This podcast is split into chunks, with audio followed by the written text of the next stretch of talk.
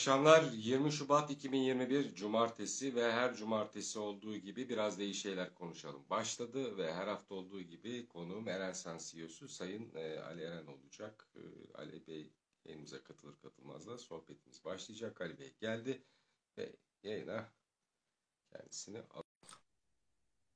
Evet.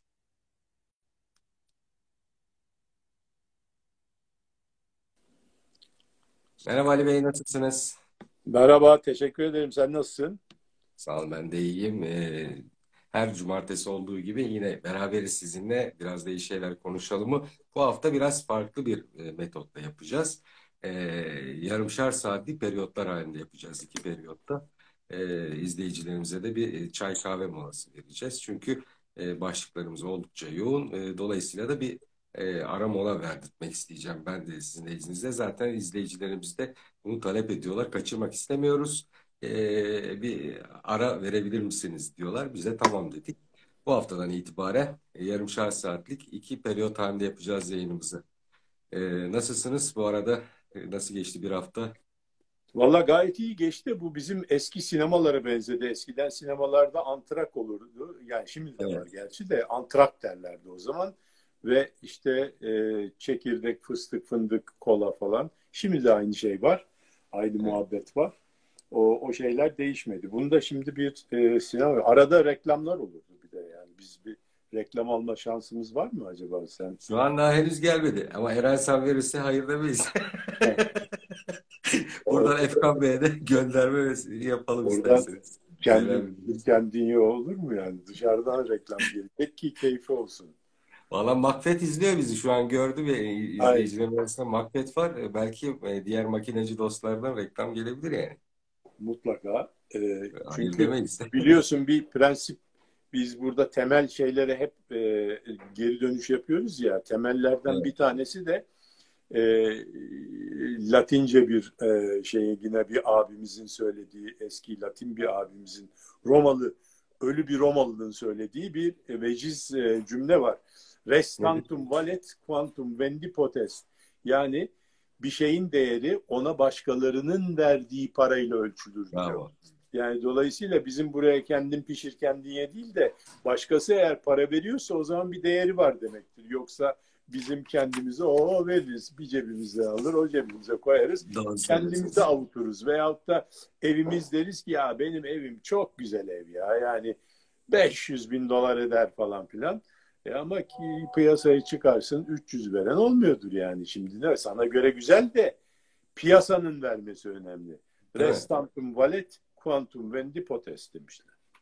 İnşallah zamanla alırız ama e, YouTube'daki izleyici sayımız oldukça artmaya başladı. Herhalde bundan sonra e, o talepler de gelmeye başlayacaktır diye umut ediyoruz. Ama e, Bitcoin'le ondan- alalım ki hani bir şeye benzesin. Oradan Değil paradan da para kazanalım. Bitcoin de artık yükselmeye başladı.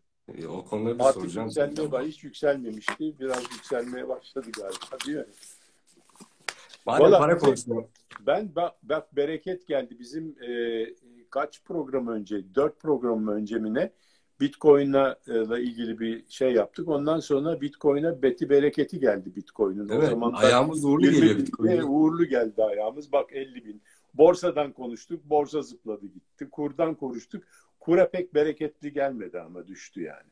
Ama Türkiye açısından bereketli geldi. Yani siz e, Türkiye şeyden açısından mi- bereketli. Naci Bey'in bize çok dua ettiğini görür gibi oluyorum. Yani ben sizi takip ettiğini de düşünüyorum artık Naci Bey'in inanın. Yani e, çünkü ne söylerseniz o da teyit ediyor. Aynısını söylüyor. Yani o zaman şeyden Merkez Bankası'ndan reklam isteyeceksin sen. Değil mi? Evet, Merkez Bankası verebilir mi Merkez reklam? Bankası. Efendim? Merkez Bankası da verebilir mi reklam? Neden olmasın? Bir anonim şirket Merkez Değil mi? O da banka yani. Anonim şirket Evet. tabii ki. Yani Bankaların olsa, bankaların bankası. nasıl olsa bizi izliyorlar artık. Bu ortaya çıktı. E, reklam verirlerse hayır demeyiz yani. Naci Evet, abi. ağanın, ağanın eli tutulmaz. Naci abi. Buradan iletiyoruz. Şimdi madem paradan konuşmaya başladık hadi ekonomiyle girelim bu hafta. İsterseniz ilk bölümde ekonomiyi konuşalım. Ee, siz Mayıs ayından beri 6.80. Şimdi ilk bölüm 30 dakika değil mi? Son 5 30 dakika. dakikası soru cevap. Ee, Dolayısıyla herkes hoş geldi sorular. Yani memnuniyetle son 5 dakikada cevaplayalım. Bu konuyla ilgili olan ama. Yani ekonomi konuşacaksak ekonomi. Şimdi bir Türkiye geldi. ekonomisi. Yani bir dünya ekonomisi var, bir de Türkiye'nin ekonomisi var. Bunlar ayrı. Şimdi Elma, Elmas'la ilgili bir soru geldi. O ikinci bölümde. E, Aradan sonraki bölümde Elon Musk'ı Tamam. konuşacağız. Kripto paraları konuşacağız. Orada cevap verelim. Elon Musk'ın e, Bitcoin üzerindeki etkisini soruyor izleyicimiz. Onu Yerli ve ara- milli biraz- ekonomiden konuşuyoruz değil mi? Şimdi yerli ve milli ekonomiye giriyoruz. Siz Mayıs ayından beri 6.80, 6.80, 6.80 dediniz. Ee, nihayet e, dolar 7 liranın altına da düştü. Ee, geçtiğimiz hafta e, uluslararası bir e, fonun e, ve bugüne kadar Türkiye ile ilgili yaptığı tespitlerin tamamı doğru çıkan fonun da bir açıklaması oldu. E, yıl sonunda 6.20 olacak diye ve hatta e, yıl sonunun kapatış 6.20 olarak- dedi Sosyete 6.20. General.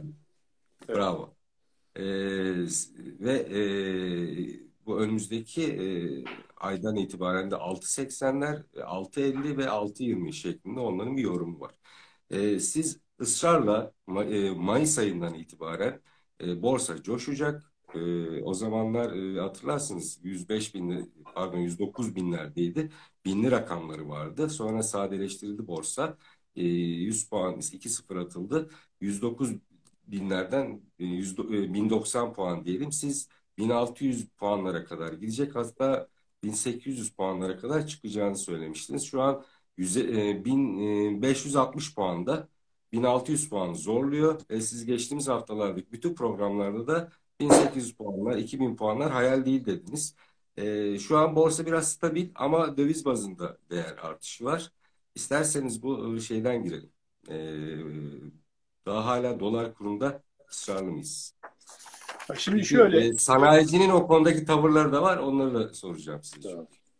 Peki bu, bu şey e, yani borsa hikayesi borsa bir de şöyle bir şey söylemiştik o zaman da borsa reel bir değerdir. Yani oradaki şirketler hayali şeyler değildir. Yani Bitcoin falan filan gibi değil. Bunun Evet. Bitcoin'in bir valuation standardı yok yani değerlen değerleme standardı yok.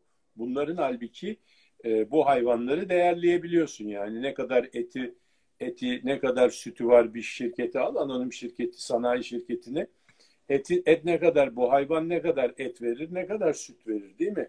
Ondan sonra da e, şeyleri de karkası da kaç para eder onu da bakmak lazım. Aynı bunun gibi bilanço çıkartıyorsun. Bilanço dediğin şey bu eti sütü Evet. kaç koyun kaç keçi var bunların Evet. hangisinin eti sütü falan yenir mi içilir mi kaça satılır ondan sonra sonunda bana ne bırakır. Dolayısıyla böyle bir reel hesap ve bunlar reel değerler olduğu için bunlar hesaplanabildiği için bu konuda böyle ahkam kesebiliyoruz. Diyoruz ki ya bunların getirisi açısından önümüzdeki e, 20 yıllık perspektifte getirisini hesapladığımız zaman bunun da net present value dediğimiz bugünkü değere irca ettiğimiz zaman bunu eski deyimle yani indirgediğimiz zaman o zaman bir değer çıkıyor. Diyoruz ki piyasadaki değere bakıyoruz A3. E buraya bakıyoruz bu değer 5.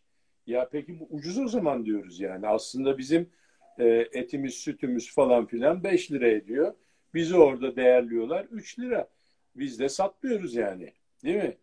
Şimdi fakat e, şimdi biraz hani değerlenmeye başladı. Daha kesin değerine gelmedi. Reel değer dediğim zaman şundan bahsediyorum. Dolar bazında değerlememiz daha uygun. Yani reel demek enflasyondan arındırılmış demek. Bizim Hı hı. maalesef ekonomimiz bir enflasyonist ekonomi ve paramız da o enflasyona e, maruz kalmış bir para olduğu için bu para cinsinden ölçmek değil de daha sağlam ve istikrarlı, stabil bir para cinsinden ölçmekte yarar var. O da dolar. Orada da borsa endeksi biz konuşmaya başladığımız zaman bir e, 45 1.50 civarındaydı. Hı hı. 1.50 1.45 1.50 sent. Şimdi nereye geldi? 2.12 2.13 falan oralarda olsa gerek. Kaçtan düştü oralara? Yani en fazla e, 5.2 falan gördü galiba en fazla. Düşün 5.2'den gelmiş bir buçuklara. E biz oradan al dedik yani.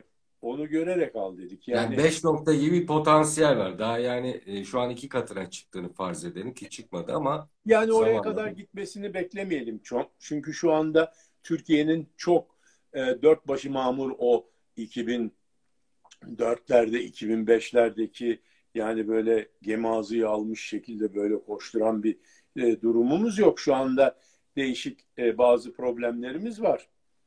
E, dolayısıyla oraya kadar gitmesin de hadi biraz daha geri onun yani Türk lirası karşılığı dedik yani borsa endeksi cinsinden e, 1800'ler falan filan. İzleyicilerimizden bir tanesi soruyor. Parayla para kazanma e, devam eder mi? Kriz e, devam eder mi diye soruyor.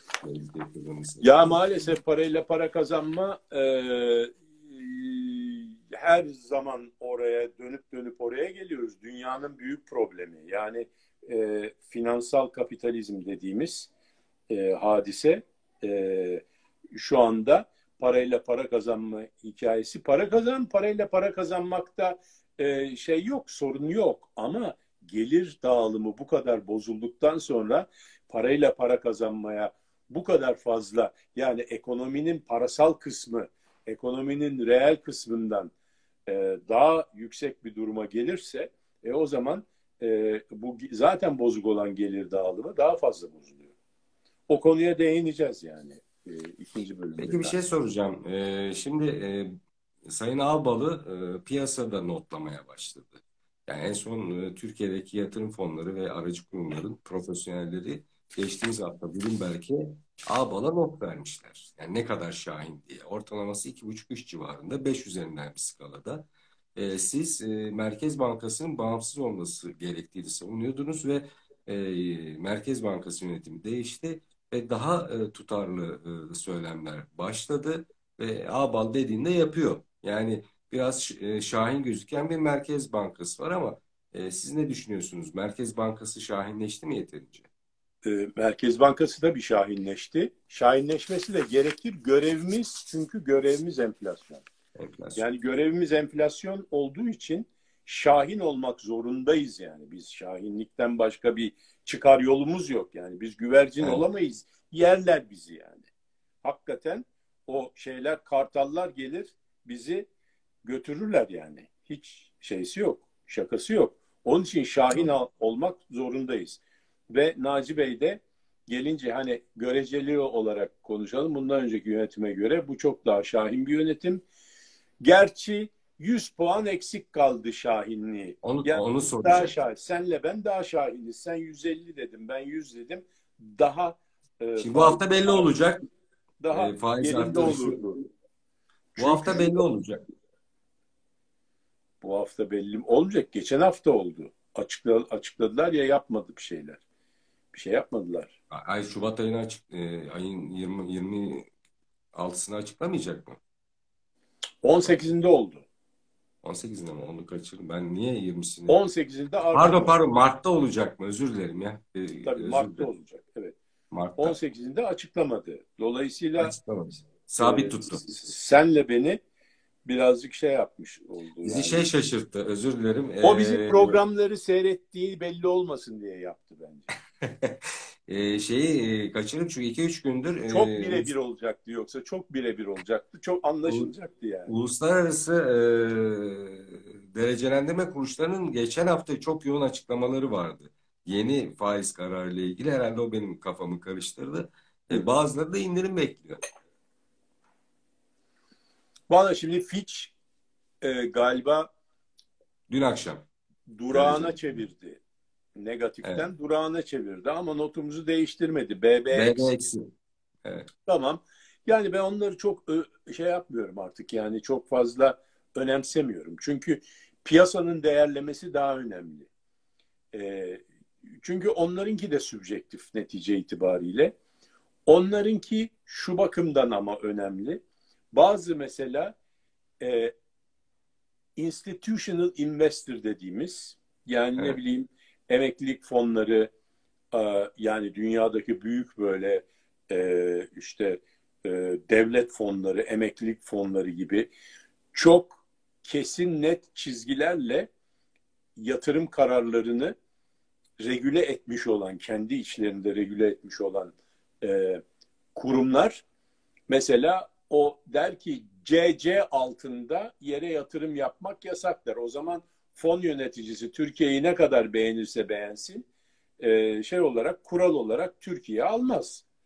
E, o bakımdan önemli onlarınki. Ama onun dışında şu anda onların eskiden çok daha önemliydi. Çünkü bunlar çok önemli bir para tutuyordu. Şimdi yine önemli bir para tutuyor ama şimdi o kadar muazzam bir özel para oldu ki bu para bastılar ya 600 milyardan dedik 7,5 e, trilyon dolara geldi 8'e gidiyor. 2 milyar dolar daha zaten şimdi gelecek öbür taraftan maliye tarafından Yalın tarafından gelecek. Yalın hanımefendinin de şeylerini göreceğiz. Ayrıca bütün dünyada da e, e, İngiltere Merkez Bankası, Avrupa Merkez Bankası herkes kendi üzerine düşeni yaptı, saçtı paraları. Dolayısıyla çok büyük paralar oldu. Dolayısıyla yani yeteri kadar para yine de var. Bizim bu şeylere ihtiyacımız yok. Tabii ki onların böyle düşürmesi hiç işimize gelmezdi de yani hani bizi yükseltmedi falan filan diye de bir şey değil. Yani biz kendimiz hak edelim. O zaman mecburen. Yabancı kuruluşların diyor e, değerlendirmeleri önemsenmeli çünkü yabancı yatırımcı e, onlar aracıyla geliyor diyor. Şimdi e, yabancı yatırımdan e, söz açılmışken sıcak para girişiyle ilgili uyarılarınız olmuştu. Benzer uyarıları da e, gerek e, Ağbal ekibi gerekse e, hazine ekibi de geçtiğimiz hafta yaptı. Sıcak paradan ziyade kalıcı yatırımcı çekmek üzerine bir takım e, reformlar önümüzdeki günlerde açıklanacağı söyleniyor. E, sizin bu konuda tespitleriniz nedir? Ne gibi önerileriniz var? Ee, kalıcı ee, yatırımcı çekmek açısından. Kalıcı yatırımcı çekmek açısından o çok daha önemli ve çok daha ciddi bir şey bu. Böyle yani o e, artık e, daha e, statik e, problemleri de düşünü e, değiştirmek için atılacak bazı adımlar var yani. Evet. Orada e, işte çıkacak kanunlar var enerji konusunda olsun, e, yine finans piyasaları konusunda olsun. Bir de vergi reformları var falan filan. O iş çok fazla karışık başlı başına birkaç tane program olur onda. Onda. Peki e, hani önerdiğimiz e, e, ihraç edilen yerli katma değerin Oraya getirmek istiyorum konuyu da aslında. İhraç edilen yerli katma değerinin artması. Çünkü bu hadise enflasyon cari açıktan ileri geliyor. Yani o cari açığın bataklığı kurutmazsan enflasyonu bu kere düşürmüşün yine iki sene sonra yine hortlayacak. Dolayısıyla hemen bunun akabinde burada birazcık böyle şeyler e, e, e, taşlar biraz yerine otursun derhal öbür reformlarla şeye girmek lazım. Şimdi sanayici de e, şey düşmeye başladıkça, kurlar aşağıya doğru gelmeye başladıkça şikayet etmeye başladı. E, uluslararası rekabette sıkıntı yaşanacağı yolunda iddialar var. Ne düşünüyorsunuz? Siz evet. de bir sanayicisiniz. Yani şimdi şöyle düşünüyorum. E, bazen, şimdi bu senin konuna giriyor aslında bu söyleyeceğim. İletişim konusuna giriyor da. Çünkü bazı ekonomik aktörler siyasi aktörler de tabii bir şey söylerler kamuya. O söyledikleri şey söyledikleri gibi değildir. Ondan halkın anlaması gereken şey başkadır. Tamam mı? Şimdi siz birine hitap edersiniz. Burada mesela beş grup vardır. Diyelim ki bin kişi içinde beş grup vardır. Yani bir kısmı şeydir, e, öğrencidir, öbür kısmı e, kasaplardır, Öbür kısmı mesela şeycilerdir, borsacılardır. Bir kısmı da öğretmenlerdir değil mi? Şimdi söylediğiniz öyle bir şey söylersiniz ki öğretmenler anlar. Kasaplarla öğrenciler anlamaz mesela. Ben şöyle anlıyorum. Onların söylemek istediği şu. Biz yüksek maliyetli bir şekilde ham maddeyi ithal ettik. E bunun üzerine de kendi katma değerimizi koyuyoruz ama bunu yaparken de eski karlarımızı koyamaz olduk. Uluslararası rekabet ya da iç piyasadaki rekabet gücümüz zayıflamış oldu diye algılıyorum bu söylenen. Tamam, mesela mesela bu güzel bak tercüme ettin. Yani sen bu konularda şey yapabilirsin demek ki aracı bir ara yüz olabilirsin yani. Ya şimdi bir Her bizim Ege'de bir laf var. Atın yanında duran ya huyundan ya tüyünden alır diye sizlerin evet. yanında dura dura öğrenmeye başladık artık. Esra şimdi kişnemeye başlayacağım yani. Bu lafın üzerine güzel kişnerim yani. Şimdi, burada e, e, ihracatçı abimiz, e, abilerimiz şunları demek istiyorlar. Biz çok kar ettik kardeşim. Çok güzel. Ne güzel para kazanıyorduk yani. E, bu yani bunu niye durdurdunuz? Hadi bunu biraz daha devam edin diye olabilirler. Doğru mu? Senin, senin dediğini diyebilir olurlar, diyebilirler. Yani Ben öyle diye Ya- düşünüyorum. Yani ben iyi Ama niyetli iyi yaklaşıyorum. niyetle yaklaşırsam işte ham maddeyi veyahut da ara girdiğimizi biz kazayla yüksekken almak zorunda kaldık veyahut da bir hatalı bir e, şey yaptık. E, işte şeyi biraz da iyi şeyler konuşalım falan da dinlemediğimiz için bunların böyle aşağıya ineceğini düşünmedik. O zamandan stok yaptık, elimizde patladı. Şimdi bu maliyet tutturamıyoruz diyor olabilirler mesela. Şimdi şey Evet. yapmayalım. Yani herkesin durumu değişik. Şimdi burada tabii ki her herkesi aynı kaba koyamazsın. İplik ithal edip de e, kumaş yapan arkadaşımızın derdi başka. Pamuk alıp da iplik yapan arkadaşımızın derdi başka. Öbür tarafta yassı çelik alıp da makine imal eden arkadaşımızın derdi başka.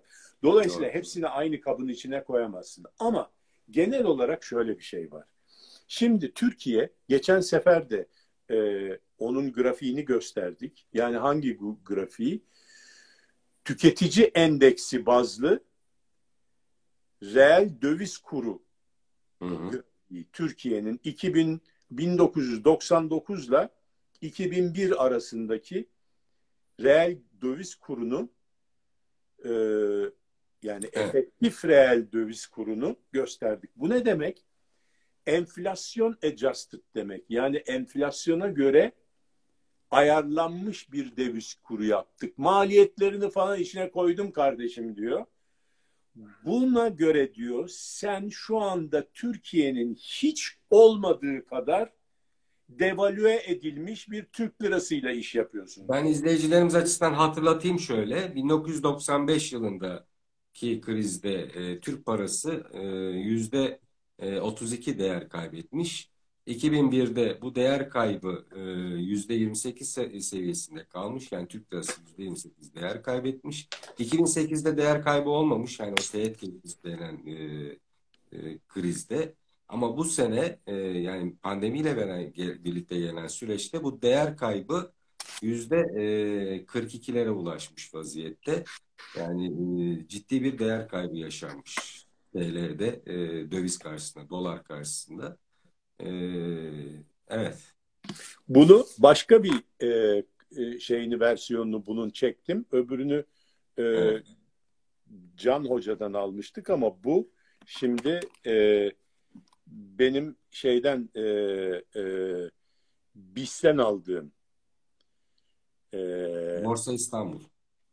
Doğru mu? Bank of yok yok Bank of International Settlements. Maalesef Yok, Türkiye Merkez Cumhuriyet Merkez Bankası'nın e, serilerini bulamadım. Şeysi çok kötü yani e, e, buradaki data alma şeyleri serileri e, e, çalışılabilir seriler değil. Dolayısıyla bunu e, bir şeyde Ahmet'e de sordum hatta Ahmet Söylemezoğlu kitabını tanıtmıştık e, daha Evet. önce e, programımızda. E, dünya ekonomisinin e, kurumlarını şey yapan çok güzel bir kitap yazmıştı. E, kendisi de zaten Dünya Bankası'nda uzun yıllar çalışmış bir e, arkadaşımız. Dolayısıyla ona sordum yani nerenin datasını kullan, nerede bu datayı bulabilirim diye. O e, Bank of International Settlements'ı şey yaptı. Dolayısıyla oradan bulduğumuz data, bakın burada şöyle bir şey göstereyim. Şurası, şurası 2010 yılını e, baz kabul etmiş. 2010 yılını 100 kabul etmiş. 2010 yılındaki reel efektif döviz kuruna göre şu anda %54'teyiz. Yani %46 onun aşağısındayız. Evet. Bir önceki krizimiz olan 2018'de %51'indeymişiz. %49 aşağısındaymışız. Şimdi %46 aşağısındayız. Onun biraz üstündeyiz. Aslında daha aşağısına inmişiz ama biraz çıkmışız. Bakın şuradan bir şey yapmış, çıkış yapmış. Ee, 2001 yılındaki krizde de %44 düşmüşüz. 94 yılında da %43 düşmüşüz. Yani %43'e düşmüşüz, %57. Ama 2010 şeysine göre 2010'un 100 olduğunu kabul edersek, 2003'ün 100 olduğunu kabul ettiğimiz diğer e, e, şeyde e, e, grafikte. Can Gürlesel'in tablosunda. Evet, Gürlesel'in tablosunda bu rakamlar biraz daha farklı ama şey değişmiyor. Bakın o tabloyu da gösterebilirim. Neyse fazla detaya girmeyelim isterseniz. Neticede bu e, e, burada bir de ikinci bir şey daha e, dikkatimi çekti burada. Buralara hit ettiği zaman yani bu minimum hani bir kriz oluyor hop diye düşüyor görüyorsun. Evet. Bu buraya hit ettiği zaman çok hızlı birden buraya yani sert zemine çarpmış gibi V şeklinde toparlıyor. Ve her seferinde yüzde yirmiden aşağı gitmiyor yukarı doğru. Burada da aynı şey olmuş şuraya kadar. Burada da aynı şey olmuş. Bakın burada da aynı şey olmuş 2018'de. Burada da aynı şey olacağını tahmin edebiliriz. Dolayısıyla burada da aynı şey olursa zaten bunun yukarı doğru toparlanması lazım. Temel nedenlerden bu teknik neden, bu teknik analiz diyebiliriz buna grafik üzerinde. Temel nedenlerden dolayı zıplayacağını düşünüyoruz. Bu teknik nedenlerden do- dolayı da zıplayacak bu. E bu o zaman e, yani Sosyete General'in dediği gibi 6.40'lara, 6.20'lere kadar gerileyebilir. Ve oraya gerilediği zaman biz buralara geliyoruz. Yani Türkiye o zaman bütün buralarda hep zararına mı satış yaptı? Yani 180 mil, 170, 160 milyar dolar, 150 milyar dolar ihracatlar yapıldı buralarda. E onların hepsi zararı ne oldu o zaman? Battılar bu şirketler hepsi. Bak bu bu kadar 2000 efendim, 2004 yılından 2016 yılına kadar 12 sene zarar eder mi şirketler? Hala ihracat yapar mı? Yani böyle bir şey yok. Dolayısıyla kim diyorsa kim diyorsa dediğim kendi şeysi için e, kendi dükkanı için farklı olabilir ama Türkiye için şuralar rekabet edilebilir bir kurdur mutlaka. Daha bu 6-20'lere kadar rekabet edilir. Ben ne dedim daha önce? Ben kendi işletmemde yaptım. Ben sanayiciyim. Üstelik evet. ihracatçıyım. Bak üstelik ihracatçıyım. Yalnız evet. öyle değil. Üstelik ihracatçı birliğinde Son görevim dakikamız var. ilk bölüm için. Ha, timde görevim var. Tim üyesiyim. Evet. Ondan sonra makine ihracatçıları birliğinin de yönetim kurulu üyesiyim. Şimdi bu ne demek? Sorumluluğum da var. Yani ben bir pozisyondan konuşuyorum ve ihracatçı pozisyondan resmi bir sorumluluğum olarak da konuşuyorum. Bu kurlarla e, çalışabilir sanayi. Bunun da aşağıya da geldiği zaman 6.40'a kadar falan rahatlıkla çalışır. Yani dolayısıyla bu arkadaşlarımızın söylediği şeyleri iyi anlamak lazım. Ha şimdi şöyle bir şey var tabii. Böyle bir şey söyleniyorsa bak ben bununla kötü oluyorum arkadaşlarıma karşı, ihracatçılara karşı. E, e, yani kötü olma riskini de alarak bunu söylüyorum. Ama burada Türkiye'yi konuşuyoruz. Biz yani beni konuşmuyoruz, başkasını konuşmuyoruz. O açıdan baktığın zaman e, burada e, o zaman eğer bu kurlardan şu kurlardan abi yani Türkiye'nin geldiği en dip kurların biraz üzerinden eğer rekabet edemiyorsa e, o zaman bu dükkanı kapaması lazım. Anlatabiliyor muyum? O zaman bu iş yürümüyor demektir. Orada bir mikro problem var. Makro problem değil yani bu. Onun için mikro problemle makro problemi kar karıştırmayacaksın. Onun için sana biz e, bu işe devam edeceğiz kesinlikle. Bu kuru indireceğiz bir defa. Enflasyonu akabinde indirmiş olacağız falan filan. Yani hedefimiz enflasyon. Şimdi e, son bir dakika ama ben e, başka bir konuya daha girmek istiyorum. İsterseniz ikinci bölümde girelim onu. Bir çay kahve e, arası verelim isterseniz. İzleyicilerimiz de bir soluklansın. İkinci bölümde bir de, de faiz vardı, faiz vardı. Faiz, evet. De ona girmek istiyordum. İsterseniz e, ona hızlıca E tabii zaten konuşalım. acı acı reçete içilecek dedik. Faiz acı reçete. Yalnız şey diyorlar ben dinliyorum e, e, ekonomi kanallarında da e, yani biz bu şartlar altında yatırım yapamayız. E bu da doğru değil arkadaşlar.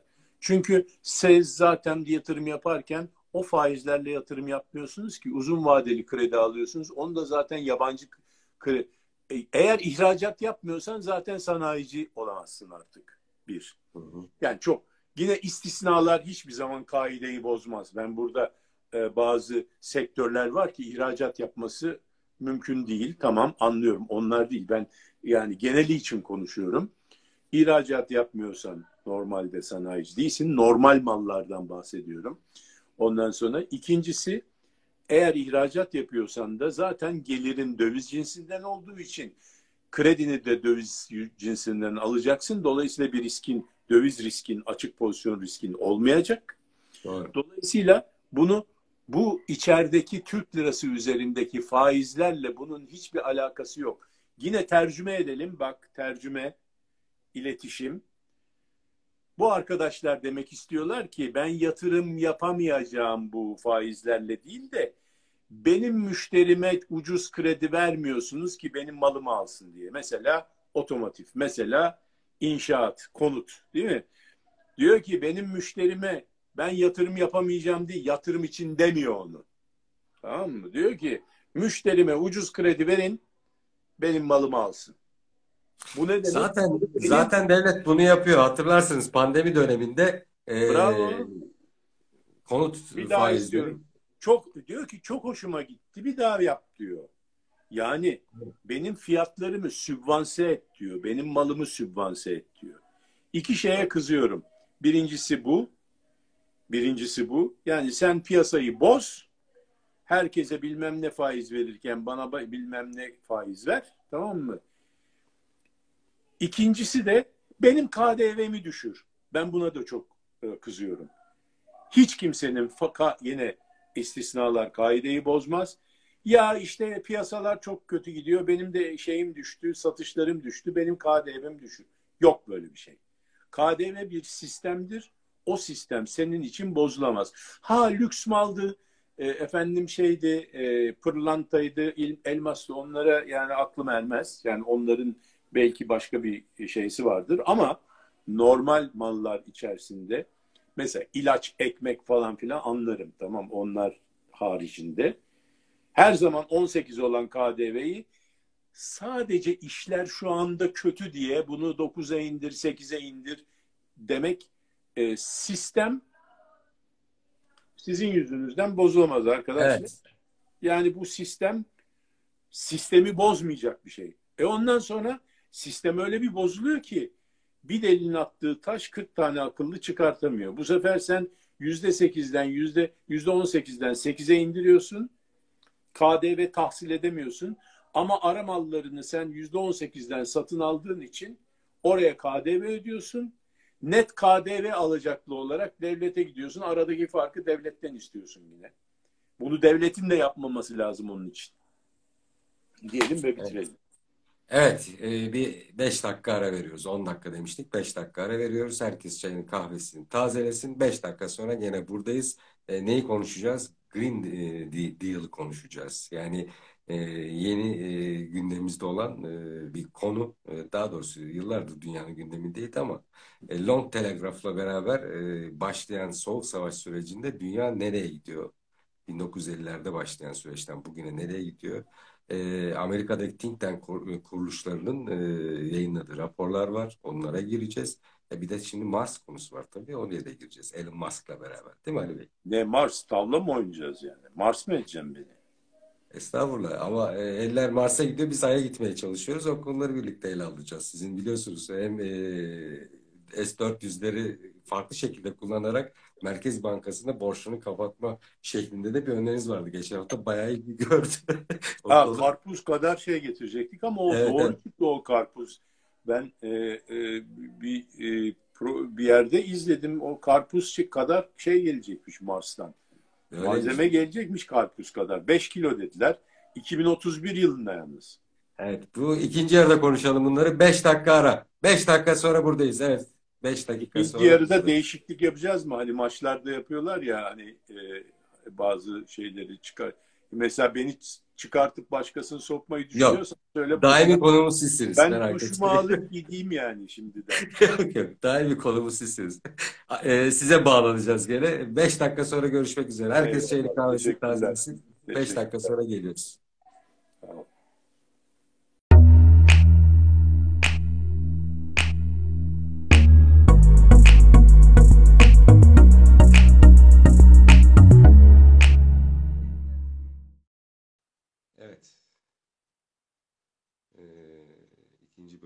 Başladı. Umarım herkes çayını kahvesini almıştır.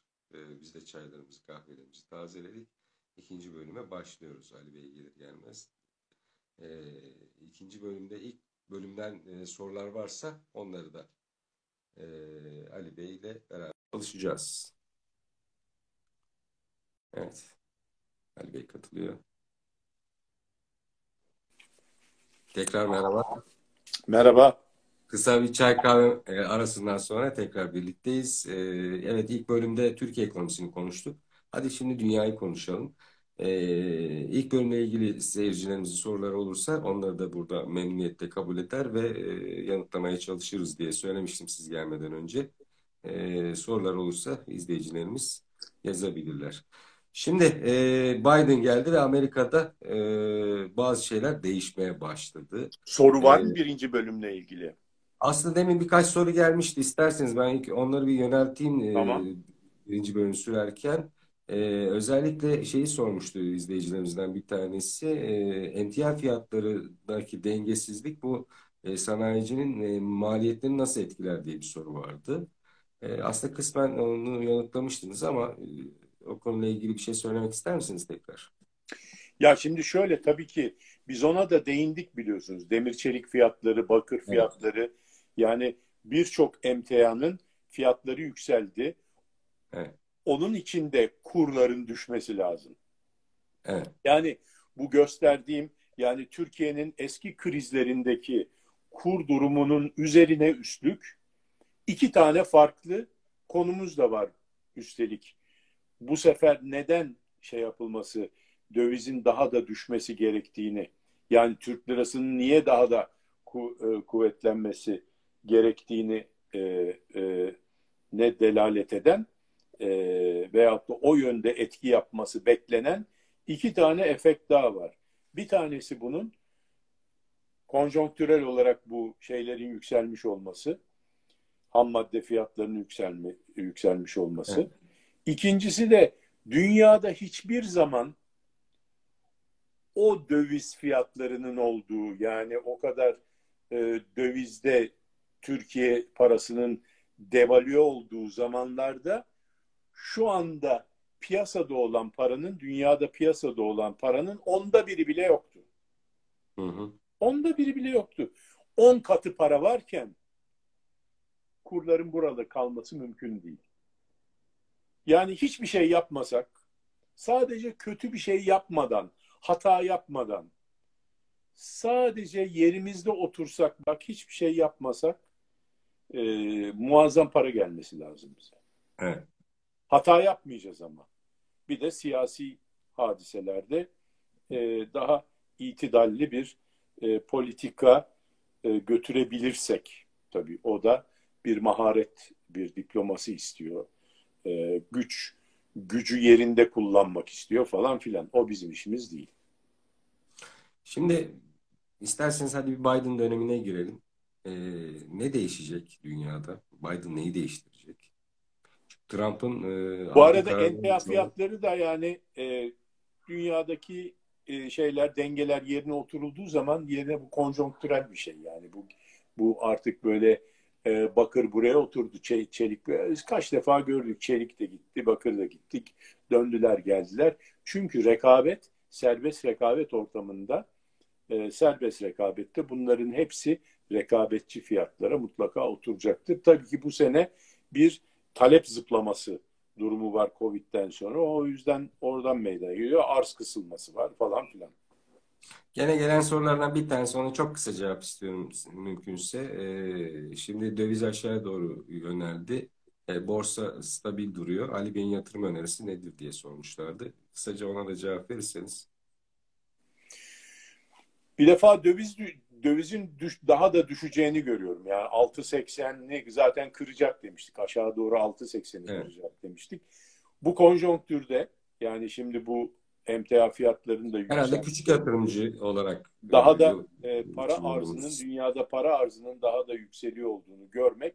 Bir de CDS'lerimizin 300'ün altına düştüğünü gör, gö, gördüğümüz zaman e, Türkiye'nin para temin etmekte Bak cari açık kapanmadı. Ee, ana problemler duruyor ama bu cari açığı finanse etmenin e, kolaylığı ortaya çıktı. Daha kolay şu anda cari açığı finanse etmek. Yani swap yapalım diye milletin peşinde koşmayacağız. Anladım. Yani dolayısıyla e, döviz şu an için e, bir yatırım aracı değil. Ya Yani döviz şu anda yani bizim burada yatırım e, e, şey e, yani şunu Ben al bunu şöyle al bak Ali Bey, ama Ali Bey bireysel bir yatırımcı olarak nasıl yatırım yapıyor? Onu sorayım. Belki hani eskiden e, şey, bir ya şöyle yine e, mesela bizim e, e, bonolarımız hani yabancı para cinsinden şey yapmak istiyorsan yatırım yapmak istiyorsan Eurobond ondan sonra e, almak e, karlı olabilir. Borsa hala e, çok ucuz. Yani Evet. orada da bir alternatif şey var. Bir de dünya piyasası var. Yani e, yani dünya piyasasında da borsaya yatırım yapmak istiyorsan orada da bir takım ama orada yani binlerce e, alternatif var. Onları iyi bilmek lazım. Bilmeden bir şey yapmak şey Doğru. değil. Hadi Amerika ile e, baş, başlayalım ikinci bölüme isterseniz. E, Biden birçok şeyi değiştirecek galiba. Ne diyorsunuz? Yani şimdi bizim daha önceki e, biliyorsun e, mutfakta Çünkü Türkiye ile ilgili açıklamalar geldi Amerika'dan ve ilk başta gelen açıklamalar bizi birazcık üzdü. Ya hocam onlar önemli değil. Günlük açıklamalar falan önemli değil. Önemli olan ana stratejiler. Çünkü neticede onlar yapılacak. Yani bugün öyle konuşur, böyle konuşur. O taktiktir yani. Bu e, diplomasi, diplomatik taktikler bu. Seni yoklar sağdan soldan. Veyahut da sen bir şey yapmışındır, ona cevap vermesi gerekiyordur, verir. Onlar önemli değil de önemli olan strateji ne? Stratejiye Hı. baktığımız zaman da şöyle bir durum var. Şimdi Amerika'nın bütün Türkiye'nin durumu ve Amerika'nın Türkiye ile olan ilişkileri böyle iki tane iki tane arkadaşın veyahut da iki tane bireyin ilişkisi gibi değil. Bu Yani ilişkiler iki başkanın ilişkisinin bir önemi yok. Efendim söyleyeyim. İki tane başkanın kişisel ilişkisinin bir anlamı yok. hay tabii iki tane başkanın da yok. Ee, ülkelerin de birbirleriyle birebir bir ilişkileri yok. Bu ilişki bütün dünya konjonktüründeki o anda yaşanan ve planlanan hadiselerin bir fonksiyonu olarak senin ilişkilerin belirleniyor.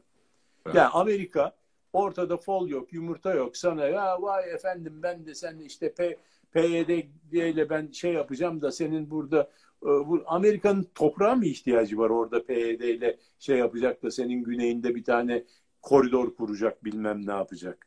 Yani Evet. o toprağa falan ihtiyacı yok. Kendisi yani toprağını idare edemiyor. Teksas'ta olanları gördün.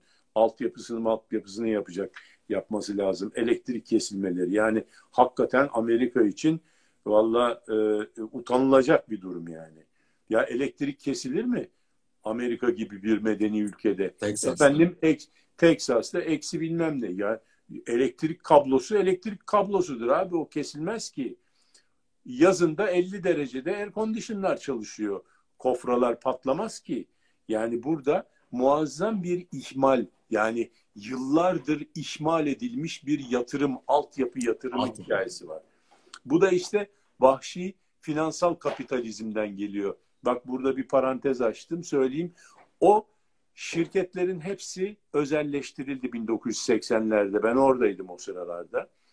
Bütün utility dediğimiz yani elektrik şirketleri bizde de yaptılar ya sonradan. Bizde de şimdi özelleşti. Ama bizde ne zaman özelleşti? Ee, 8-10 sene içerisinde. Onlarda ne zaman? 1980'de. Demek ki bizden 30 sene önce bunları bitirmişler. Özelleştirdiler. Bu sefer ne oldu? Elektrik idaresi özel bir bölgenin, işte gaz idaresi özel. Bu sefer ne oldu? Bunları da e, borsaya açtılar. Borsaya açıldı. Bu sefer sahipleri dedi ki CFO'lara ya benim borsa değerimi arttır, boş ver. E şimdi adam borsa değerini artması için nakit üretmesi lazım. Kar üretmesi, nakit üretmesi. Onun için mevcut olan altyapı yatırımı tamamen bir yani e, şey gibi e, vantuz gibi orada onu nakde çevirdi yani. E, mümkün mertebe az yatırım, az masraf yaparak oradan aldı ki çünkü kendisine verilen bonuslar o sattığı elektrik miktarı üzerinden veyahut da ne kadar kaliteli bir altyapı e, şey yaptığından e, maintenance Bizim Türk Telekom örneği gibi oldu aslında. Ha, evet yani onun suyunu çıkardı. Bravo Türk Telekom örneği gibi. Türk Telekom'u da özelleştirdik. Ondan sonra verdik adamlara. Suyunu sıktılar, çıkardılar, posasını bize attılar, gittiler. Bir de bir sürü borçla beraber. Neyse, şimdi onu geçelim. Bu zaten parantezde, parantez gitti. Amerika diyorduk değil mi? Amerika e, Amerika'nın toprağa ihtiyacı yok bizim güneyimizde falan. Amerika'nın derdi ne? Yani bizle uğraşan, biz çok küçük bir şeyiz Amerika'nın şeysinde yani trafiğinde. Bir eyaleti kadar bile değil. Ne? Hayır hani şey olarak e, e, sorun olarak e, çok küçük bir şey işgal ediyoruz. Şimdi onun bir e, ne olduğunu anlayabilmek için bir ufak bir tarih turu yapalım. İkinci Dünya Savaşı'ndan sonra e, George Kennan diye bir e, büyükelçi atadılar Moskova'ya Amerikalılar. Bunun yazdığı çok önemli ve meşhur bir telgraf vardır. The Long Telegram diye geçer. Yani uzun telgraf. telgraf. Uzun telgraf. Şimdi bu telgrafta e,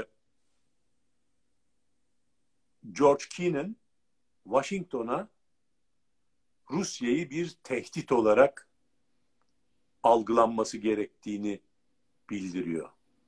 Ve ne kadar ciddi bir te- tehdit olabileceğine ve mutlaka bununla baş edilmesi gerektiğini, edilmediği takdirde Amerika'yı challenge edeceğini, meydan okuyabilecek durumda olduğunu bildiren bir uzun telgraf yazıyor. Neden uzun telgraf? Çünkü telgraf kısa kısa yazılır. İşte Salimen Moskova'ya vardım. Stop. E, işte e, herkes iyidir. Stop. Sağlığımız yerinde. Stop. Ellerinde öperim. Stop. Böyle değil bu. Bayağı uzun. Yani para harcamış yani Amerika Birleşik Devletleri'nin paralarını vermiş. Şimdi çok önemli bir telgraf. Çünkü bu telgraf aynı zamanda dünyada soğuk savaşın yani Amerika-Rusya soğuk savaşının başlamasına neden olan, başlamasına neden olan telgraf derler. Şimdi neden? Bunun öncesinde neydi? Rusya, e, daha doğrusu o zamanki Sovyetler Birliği Amerika müttefikti. Kime karşı? Almanya'ya karşı müttefik. Tabii, bravo. Yani Rusya'yı o kadar tehdit e, olabilecek duruma getiren zaten Amerika'ydı. Stalin'le işbirliği yaptı ve Rusları silaha boğdu. E, Hitler'i yenebilsin diye. Dolayısıyla muazzam bir Amerikan silahı. Ee, bunun içerisinde her türlü şey var ama arabalar, tanklar, tüfekler, en e, şey o zamana göre en gelişmiş e, şeyler, roketler, bilmem neler. Ve Rus ordusunu da güçlendirdiği gibi ekonomisi de güçlendi. Ruslar zaten bütün o silahları taklit ederek ilk önce kendi arsenallerini oluşturdular ondan sonra. Amerikan evet. bütün gelen Amerikan şeyleri bütün uçaklarını aynen aldı yaptılar. Tanklarını aynen aldı yaptılar. Ufak tefek değişikliklerle. Ne o zaman patent hakkı bilmem nesi falan filan yok şimdiki gibi. Ee, yani vardı ama hani patent Amerika'da ve ama dünyada global o, bu kadar globalize olmamıştı. Amerika'daki patent Amerika'da, Rusya'da. Bir de savaş sonrası düzen var. Dünya karma karışık evet, olmuş. Evet yani Rusya'da da patent yok. Tanımıyordu yani ben seni hiç tanımayırım diyor. Ee, öyle bir durum vardı patent konusunda. Şimdi neyse ve bunun ne kadar büyük bir tehlike olduğunu, bir tehdit e, olduğunu, meydan okuma gelebileceğini bu long telegramla, uzun telgrafla bunu e, Bay Kenan e, Amerika'daki üstlerine rapor etti ve soğuk savaş resmen başladı. Şimdi bundan sonra soğuk savaş başladı nasıl? Savaş falan yok. Bundan sonra eğer bakacak olursak tarihe Marshall Planı bundan sonra çıktı. Neden çıktı Marshall Planı? Buna göre çünkü bir strateji yazıldı Amerika'da. Ha madem öyle e, o zaman bir strateji yapmamız lazım ki Rusya'yı contain etmek için. Bu contain etmek e, diplomatik bir terim olduğu için bunu da söylüyorum. Konteyn etmek yani e, ablukaya altına almak, sınırlamak şeklinde. Kapsamak, etrafını e, evet. muhafaza içine almak ki hani Kontrol. bir şey yapamasın diye. Konteyn etmek için. Bunu e, Marshall Planı'yla ittifaklar yaptılar. Müttefiklerini seçtiler. Hani o ally diyorlar ya bizim ally'ımız yani dostumuz, müttefikimiz. Müttefikler ihdas ettiler. Avrupa, mesela Türkiye. Mesela Türkiye. NATO'yu kurdular. Daha NATO yoktu o zaman. NATO NATO'yu kurdular. İlk NATO'ya girenlerden biri. Yani biz zannederiz ki bizim çok büyük bir vizyonumuz NATO'ya girmek. E, halbuki Amerikalılar bizi oraya çekti koydu herhalde diye düşünüyorum. Yani yalnız bizim çok büyük vizyonumuzla olmadı. Tabii bizim de vizyonumuz var e, orada ama Amerikalıların da bir bir vakumlaması var yani orada. Bizim bir basıncımız var ama onların da bir negatif basıncı var orada. Çekmiş oluyorlar. Şimdi dolayısıyla o onun üzerine Dünya Bankası kuruldu. Müttefikleri ekonomik olarak güçlendirmek için gerektiğinde değil mi? Oraya bir sermaye birliği kuruldu. E, ondan sonra Avrupa. Avrupa Birliği daha sonra Avrupa işte o Avrupa Çelik Birliği falan filandı. Ee, Avrupa Almanya e, yani sen yendiğin en büyük düşmanını en büyük dostun haline getirdin. Oraya Marshall yardımları falan filan e, e, şeyler üsler kurdun. Onun şeysini e, hem bir taraftan Rusya'ya karşı tahkim ettin askeri anlamda hem de bir taraftan tekrar askeri olarak şey yapmasını e, yani temayüz etmesini önlemiş oldun bir yerde.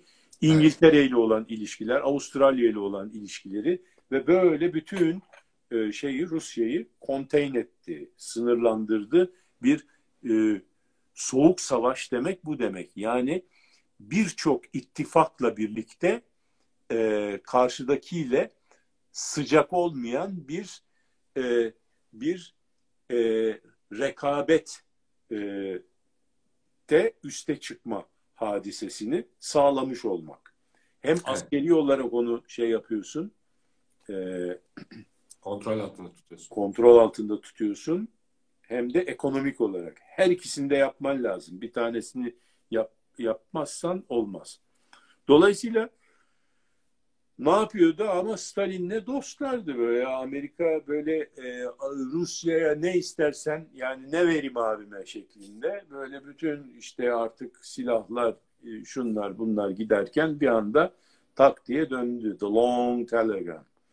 Şimdi e, geçen ay bir tane paper yayınlandı. Bu paperlar çok önemli. Kimin yayınladığı da önemli nerede yayınladı ve içinde ne yazdı. Bir sürü paper yayınlanıyor da bunun adı da enteresan. Burada da diyor ki The Longer Telegram. Yani bu daha uzun telgraf. Şimdi bu e, 80 sayfalık bir e, policy paper. Bir Amerika'nın bir stratejik belgesi ama açıklanmış gizli olan değil de açık kısmı. Bunun mutlaka detaylandırılmış olarak e, stratejik e, şeyleri vardır. E, kökleri bilmem neleri vardır ama orada imza sahibi olarak e, orada imza sahibi anonim diyor. Fakat yayınlayan think tank'in adı The Atlantic Council. Atlantik Konsülü yayınlamış bunu. Bu diyor ki yani biz bunu yayınlıyoruz diyor ama biz bunu kendimiz yazmadık diyor. Bizim de diyor görüşlerimizi ifade eden bir şey değil diyor ama diyor bunu diyor yüksek bir Amerikan bürokratı kaleme aldı ve bize isminin açıklanmasını istenmeyen bir mudimiz olarak bunu Eskiden öyleydi diyor, biliyorsun. Bunu şöyle algılayalım? Bankalardan Biden... hesap numarasına milleti bankaya çekmek için yastık altındaki paranın Türkiye'de e, her hesap numarasına bir e, kura numarası verirler. Çekilişte ikramiye çıkardı. Ev, araba falan filan bayağı büyük şeyler çıkardı. Orada mesela kazananların bir kısmı isminin açıklanmasını istemeyen bir Moody Miss diye geçerdi. Radyoda böyle söylenirdi. Bu çok bir klişe bir laftır yani. Bilirler bizim jenerasyon. Bu da isminin açıklanmasını istemeyen bir üst düzey... Vergi rekortmenleri listesinde de vardır. İsminin açıklanmasını istemez vergi rekortmeni. Evet evet öyle. Orada şey evet tabii. Ben şu, e, biz şöyle mi algılamalıyız bunu o zaman? Yani isminin açıklanmasını istemeyen üst düzey bir bürokrat aslında e, şunu söylemek istiyor. E, Sızdırılmış bir paper yani bu.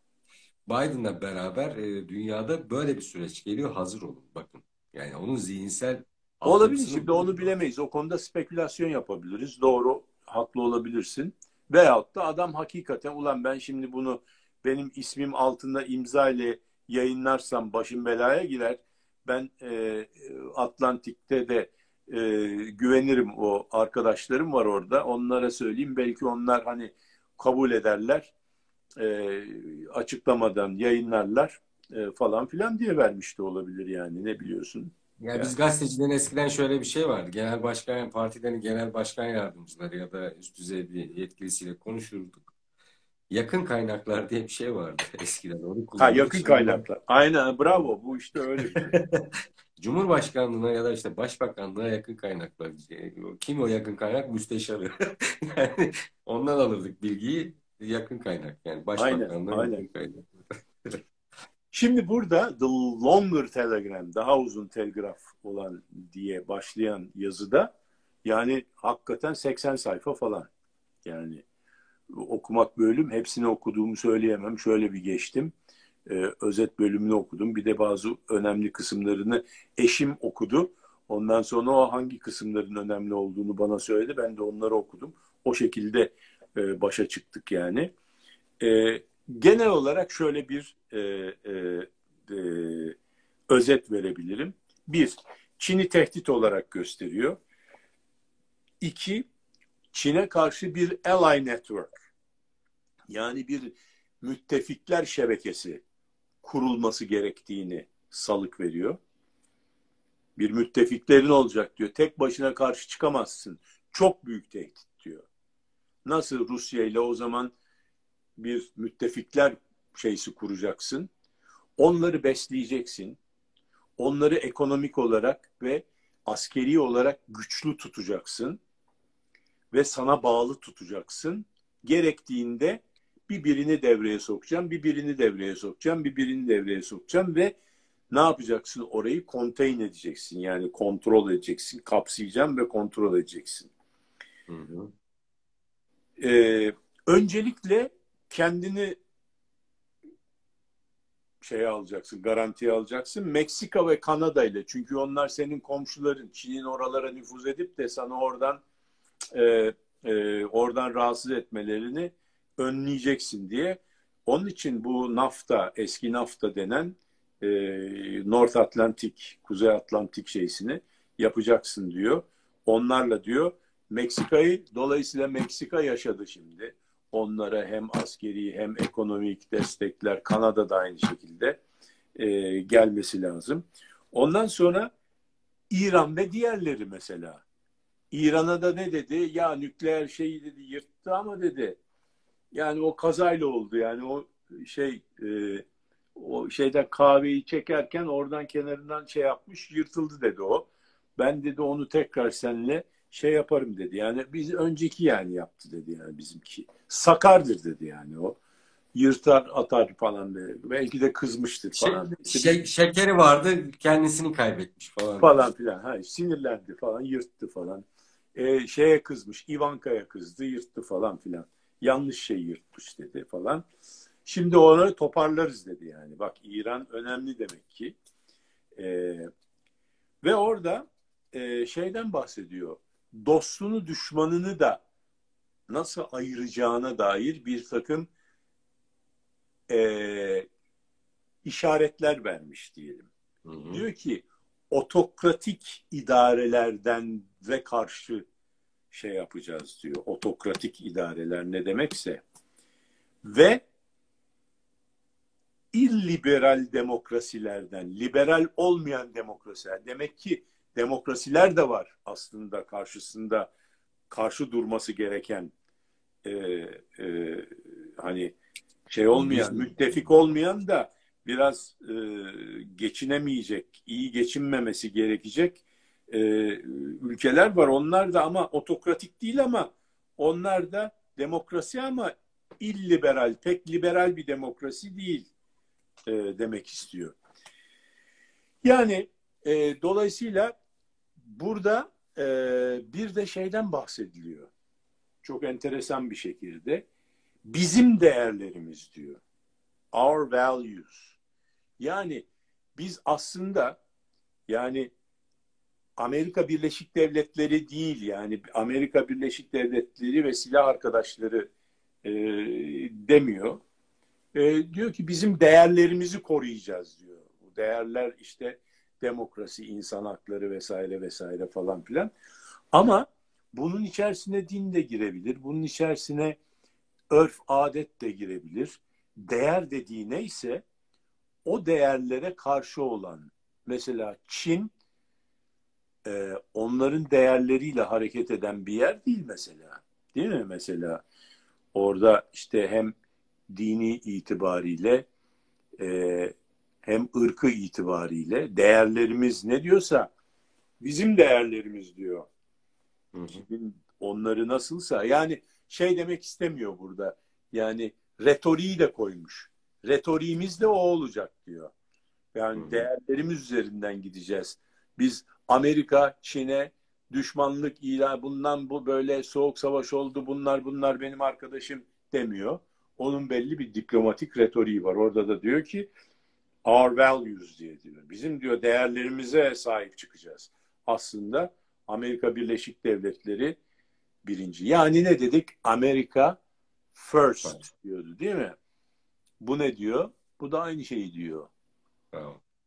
Ama e, bir şey değil kaka olarak diyor. Yani nedir? Demek ki mutfakta aynı şey pişmiş yemek. Bunun servis etme şekli biraz farklı. Ama neticede hedefte yine Çin ve bir ally network'ü oluşturmak ve onunla Çin'i e, kontrol etmek, enterne etmek, contain etmek şeysi hedefi var. He, şimdi buradan Türkiye'ye ne çıkıyor? Onu Türkiye ha. Şimdi abi bırak diyorsun yani. Sen Türkiye'den bahset. Bizi şey ama. Ama bütün bunların neticesinde Türkiye'ye geliyor. Tamam mı? Yani Türkiye bütün bu stratejinin içerisinde bir fonksiyonu varsa Türkiye bir şeyler alacak. Türkiye'nin eğer bir fonksiyonu olsa bu stratejinin içerisinde veya ne kadar büyük bir fonksiyonu olma potansiyeli varsa o kadar burada bu ally network, müttefik network'ü içerisine girebilme şansı var. Şimdi şöyle Çin'in kuşak yol projesine baktığınız zaman da Türkiye'nin e, yeri var gibi gözüküyor. Özellikle e, Pekin'den ya tabii jeostratejik olarak giden, o demir yolunda Türkiye yani biz boşuna mı yaptık şeyi Avrasya tünelleri? Tabii canım jeostratejik olarak kupon araziyiz yani biz. En kupon ee, yerdeyiz. Dünyanın en kupon yeri burası. Yani mesela evet. burada mesela ben bir kupon arazi alacağım, para kazanacağım demenin hiç şeysi yok. Türkiye'nin tamamı kupon. Anlatabiliyor muyum? Dolayısıyla böyle bir şeysi var. Ama Amerika açısından bu Amerika'nın bütün bu planı burada genel hatlarını koyuyor ortaya. Bunun detayları var. İşte orada işte Suriye'de ne yapılacak? Ondan sonra e, mesela Rusya ile ne yapılacağı söylenmiyor. Rusya'da Ally Network'e mi girecek? Yoksa Rusya'da Çin'le Çin'in üstüne ekip o ikisini birlikte mi paketleyecekler? Onu bilmiyoruz daha. Türkiye içinde şöyle bir e, paper var. Brookings Institute diye yine bir think tank.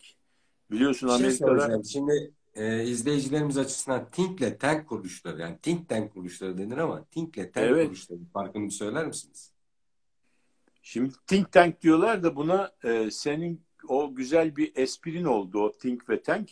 Bazıları düşünüyor, biz bazıları da hani düşünürken savaşıyor. Tanklar manklar giriyor işine. O tink oradaki tank o herhalde değil mi? Senin. Birisi öneriler sunuyor. Birileri de yapacaksınız diye herhalde koyuyor e, önlerine galiba. Tank oluyor.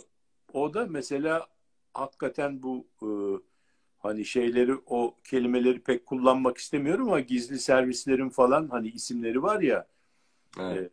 Amerika'da 16 tane var onlardan. Bir tanesi en meşhuru da e, onlar ama e, hani hep hepimizi dinleyen öyle diyelim. Tabii tabii ama o hepimizi dinleyen o değil işte. 16 tane var onun gibi Amerika'da. NSA var işte ordunun kendi istihbaratı var. E, Navy'nin kendi istihbaratı, dışişleri istihbaratı var. State Department, e, bir tane Cumhurbaşkanı'nın yani başkanın Secret Service'i var falan filan. Bunun gibi bir sürü şey var. Hepsinin ayrı ayrı ayrı bütçesi var böyle. Neyse onlara hizmet edenlere tank diyelim tamam mı? Öbürlerine de think diyelim yani. Onlar düşünüyorlar. Onlar da öbürlerine biraz toplu tüfekli bir durum var orada. Onlar da düşünüyorlar. Hiçbirisinin topu tüfeği yok da oraya hizmet ediyor olabilirler. Nitekim var böyle çok e, e, e, yani belli başlı isimleri bilinen think tankler var. Onlar CIA'ye rapor hazırlıyorlar yani. İşte Brookings'te think kısmında olanlardan ama işte e, bilmiyorum kimin hangi çünkü bunların bazılarında çünkü biliyorsunuz Amerika'ya mesaj vermek isteyenler Türkiye'deki siyasetçiler Brookings'te gider konuşma yapar bir şekilde. E, evet. Paraya basılan herkes orada konuşabilir. Yani e, ben de varsa bir 50-100 bin dolarım Brookings Enstitü'de konferans verebilirim. Onlar orada bir takım insanları da getiriyorlar. Sizi dinliyor insanlar. İçinde basın mensupları da var. Beğenir, ya oraya ben de gittim. Ee, beş sene önce Brookings Institute'da bizim e, Cumhurbaşkanı oraya gittiği zaman o zaman Cumhurbaşkanı değildi, e, başbakandı. Başbakan. E, oradaki konuşmasının şeysinde ben de e, orada misafir dinleyici olarak bayağı zor girmiştik. Hatta çıkışta ondan sonra bu e, saldırı olmuştu. Yani o e, Türkiye'de azınlık olan bazı terörist örgütlere e, e şey bağlı e, şeyler e, hücum ettiler falan korumalarla falan aralarında şey oldu. Neyse orada oradan Brookings ile olan Georgetown Üniversitesi'ydi galiba yanlış. Georgetown Üniversitesi değil mi? O da aynı e, şeyleri yapar. O da böyle daha çağırır insanları. Yok Georgetown Üniversitesi Georgetown Üniversitesi. İyi Georgia bir üniversitesi. Georgia mı? Georgetown mı? New Georgetown, Washington'da iyi bir üniversite. Çok iyi bir üniversite yani. Georgetown evet. aynı şekilde. Yani Şimdi think gibi çalışır o üniversiteler ya da enstitüler diyelim. Evet o, o işte o oradaki mesela hocaların bir kısmı orada çalışırlar falan. Böyle yani tabii aralarında parasal ilişki de var. Mesela oraya para verip paper yazdırtabilirler. Yani iyi anlamda hani şöyle şöyle bir konuda biz bir araştırma lazım. Yani bunlar hepsi böyle siyasi bir amaçla paper yazmıyor. Amerika'da yasal zaten bunlar yani. Hayır yasal ama siyasi amaçlı değil çok çok bilimsel şeyleri de var, makaleleri de var ama bazı arada böyle siyaset girmiş içine. E, zaten yazarları mesela bazı yazarlar meşhur. Diyorsun o yazdıysa bu böyle yazmıştır diyorsun mesela. E, sonu Tiadis diye bitenler var mesela. E, onlar hep bizim aleyhimize yazarlar mesela. E, Anladım. Mesela Tidis, Tidis, Tidis falan e, soyadı olanlar. Neyse bu e, e, dolayısıyla bunlar da Brookings Enstitüsü'nden bir e, e, yazı yazdılar. Bu Nicholas Danforth denen bir e, arkadaşımız yazdı, yazmış bunu. Bunun ismi belli. E, ondan sonra e, makalenin adı da Between Cooperation and Containment New US Policies for a New Turkey demiş. Bu çok taze. Geçen hafta yayınlandı. Ee, e, diyor ki işbirliği ve containment yani muhasarayla işbirliği arasında kalmış bir yeni Amerikan politikası, Amerika'nın Türkiye politikası. Amerika'nın Türkiye politikası ki o politika muhasarayla e, işbirliği arasında gidip gelen bir politikası diye kalmış. Bunun üç tane e, özet şeysi var, e, tavsiyesi var Amerikan hükümetine. Diyor ki bir, Türkiye ile e, iştigal ederken Türkiye'nin etrafından plan yap. Türkiye üzerinden plan yapma diyor yani. Bu çok önemli. Yani sen belli bir amaç Türkiye'ye belli bir şey biçme diyor yani. Rol biçme. Belli bir vazife verme. Onun etrafından ver. Yani ne bileyim işte o ne yapması gerekiyorsa o vazifeyi ne bileyim Yunanistan'a ver o yapsın. Veyahut da ben şimdi şey yapıyorum yorum yapıyorum da ne demek plan around Turkey? Yani Türkiye üzerinden değil de Türkiye'nin etrafından plan yap demek istiyor. Anlatabiliyor muyum? O dolayısıyla işte ya Yunanistan üzerinden yap ya İran'la barışıp İran üzerinden yap. Çin'e karşı bir şeyimiz varsa orada yapılacak bir iş varsa onlara yaptır demek istiyor. İki, e, işbirliği yapılacak müttefikleri ve dostları Türkiye'nin provokasyonlarına karşı kullan diyor. Yani buradan şunu söylüyor, söylüyor. Diyor ki Türkiye provokasyonlar yapacaktır diyor. Bunu varsaymış yani. Türkiye provokasyonlar yapılacaktır. Bunlara karşı dostlarını falan filan onlara diyor kullan diyor ona karşı. Yani Türkiye provokasyon yaparsa Yunanistan'ı sür üstüne ne bileyim Avrupa Birliği'ni sür e, kimi süreceksen sür İsrail'i sür veyahut da bilmiyorum artık yani. Ya onu ben yorumlayamıyorum çünkü çok detaylı bir şey yok. E, bunları böyle bir politika önerileri olarak şey yapıyor. Üçüncüsü bu biraz daha iyi sanki. İşbirliği için ama diyor işbirliği için açık kapı bırak diyor. Yine de kapıyı kapatma diyor. Çünkü ne adam çok önemli bir yerde oturuyor diyor ya. Çeşme başında diyor. Yani bütün oradan geçiyoruz diyor her tarafa gidiyoruz. Yine kapı açık kalsın. Netice olarak Mart'ta ve daha sonrasında şimdi Mart'a kadar işte NATO toplantısı yok, şey toplantısı yok, e, Avrupa Birliği toplantısı yok. Ondan sonra işte Amerika'nın acele yapacağı bir e, atak yok falan. E, Mart'tan sonra bu hadiseler e, gelecek ve ne kadar kapı o kapının aralığından ne kadar içeri sızıp sızamayacağımız belli olacak. Vallahi zor bir durum. Hükümette bu işlerle uğraşan bütün zevata e, kolaylıklar diliyoruz. Çünkü bizim de refahımız netice itibariyle onların bu e, şeyleriyle bağlı. Buradan şunu görüyoruz ki bizim aslında bütün Avrupa ile olan ilişkilerimiz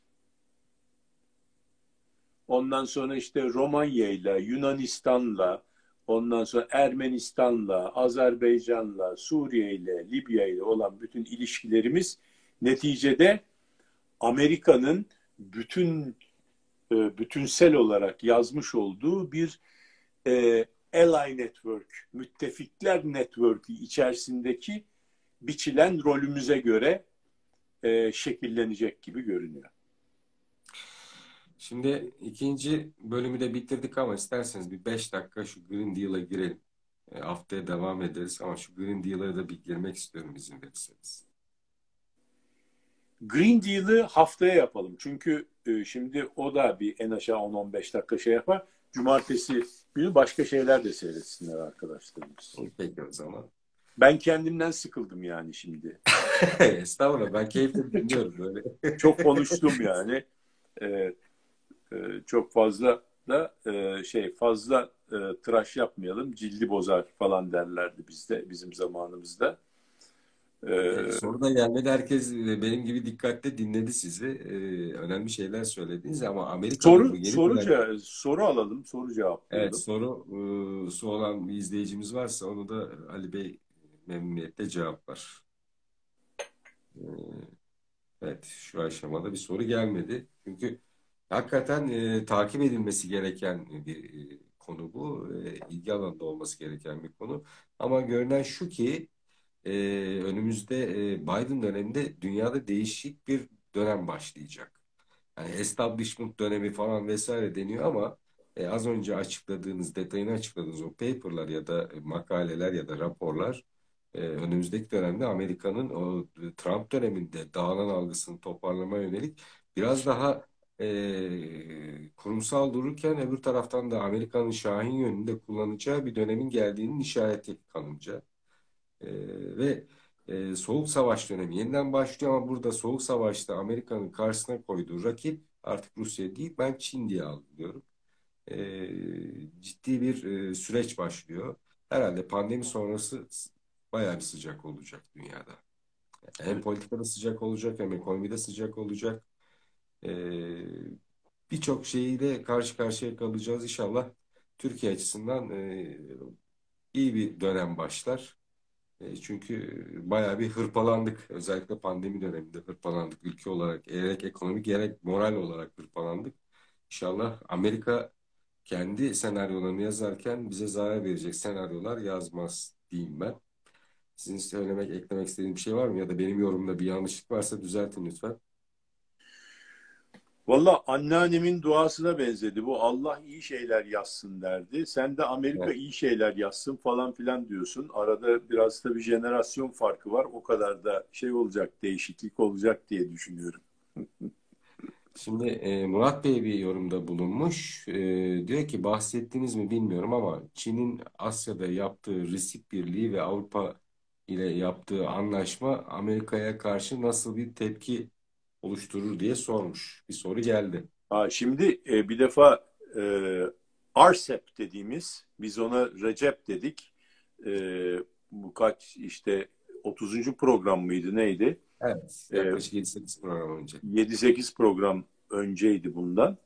Ee, o daha imzalandığı zaman biz hemen gündeme aldık onu. Daha kimse Evet, hiçbir yerlere düşmemişti. Ee, Recep dedik ona, RCEP. Orada daha önce Amerika'nın yaptığı Asya Pasifik ülkeleriyle yaptığı bir serbest ticaret ve yatırım anlaşması vardı. Çok kapsamlı.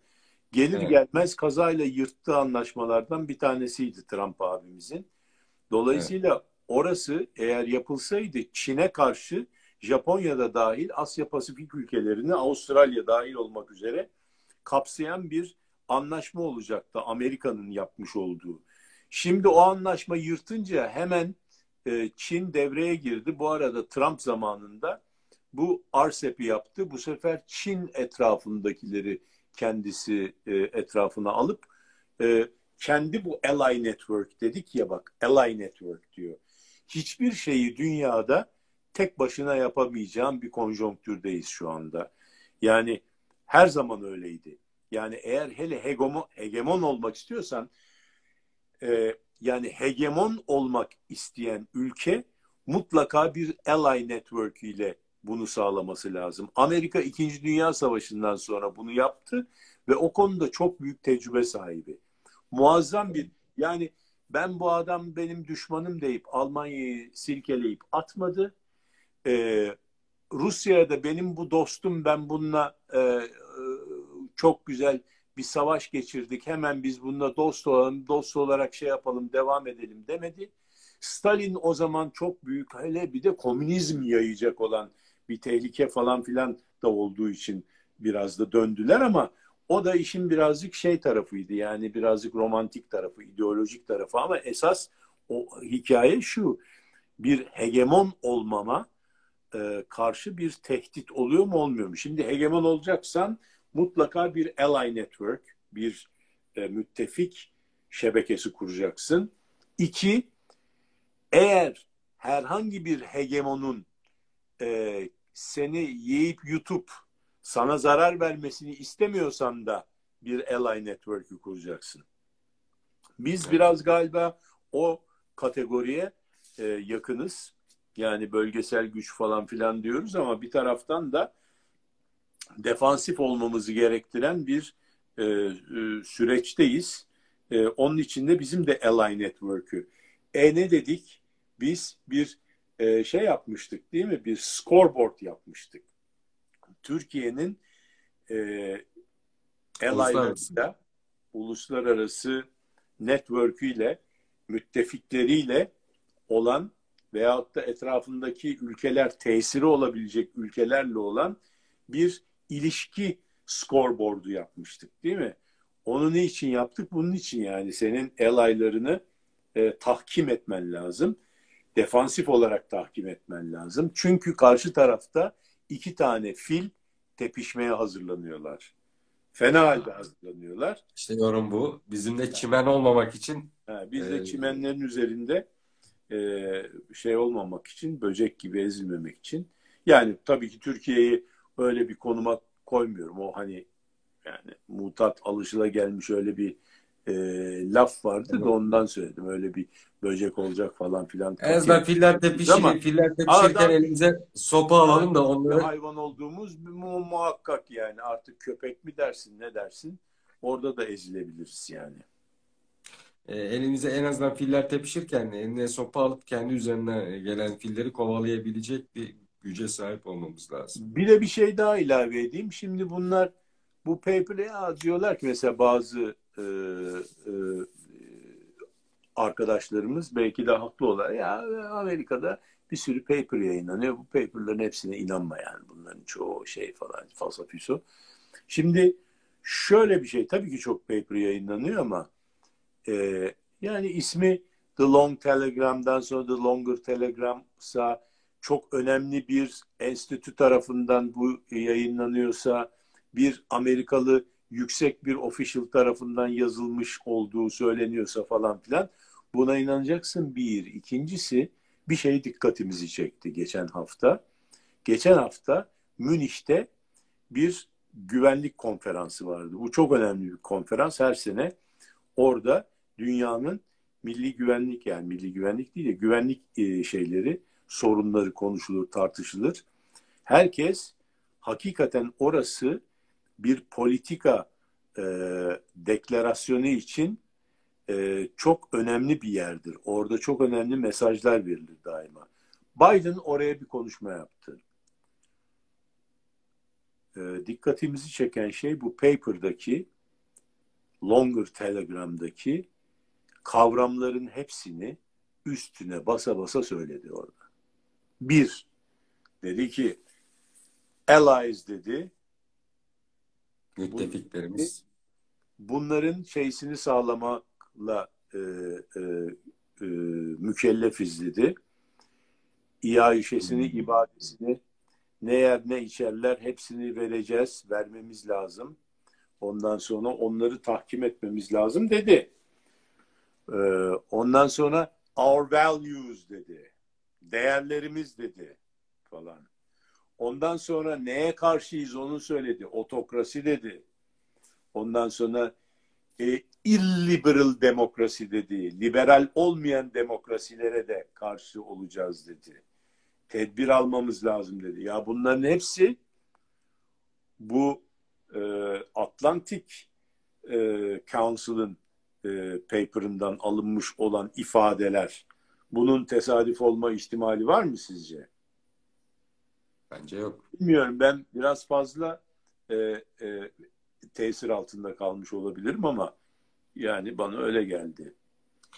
Valla yeni gelen dünya düzeni çok farklı geliyor. İnşallah adapte olabiliriz. Ben birazcık da açıkçası endişe duymaya da başladım. Ee, dünyada rüzgarlar farklı esecek. O paperlardan ben bunu anlıyorum. Yani değişik bir senaryo yazılmış. Değişik bir dünya düzeni geliyor herkes e, dijital dünya dönüşümü bekler. Bu arada bir parçası da The Green Deal. Onun şeysi var. The Green Deal'in de bu işin içerisinde yeri var. Onu da artık haftaya şey İşte yap. haftaya şunu konuşalım. Green Deal dünya milliyetçiliği midir değil midir onu konuşalım haftaya. Evet, Peki. dünya milliyetçiliği midir? Doğru. Yani gezegenimizi korumak, Gezegen milliyetçiliği midir değil midir gezegen milliyetçiliği, gezegenimizi e, müdafaa etmek, muhafaza ve müdafaa etmek. Green Deal ama anlaşıldığı gibi Green Deal değil. Ee, siz onu haftaya çok geniş bir şekilde e, Damarlarımızdaki yeşil kanda mevcuttur. Peki. Çok teşekkür ederim Ali Bey. Ben Ağzınıza sağlık. ederim. Ee, kaçıranlar tekrarını e, biraz değişik şeyler konuşalım. Facebook, YouTube, Spotify ve LinkedIn e, sayfalarından tekrarını izleyebilirler ya da dinleyebilirler. Çok teşekkürler. İyi hafta sonları diliyorum herkese. Ali Bey size de Herkese iyi hafta sonları dilerim ben de. Bu arada Görüşmek üzere. Galatasaray kazanmış galiba oradan. Gözünüz aydın. Başa baş gidiyoruz bakalım. Efendim? Ba- Başa baş gidiyoruz şampiyonlukta. Evet evet çok enteresan bir lig oluyor. Evet. Hepsine iyi oynayan kazansın. İnşallah. Hak eden kazansın. Doğru. Görüşmek dileğiyle. Görüşmek üzere.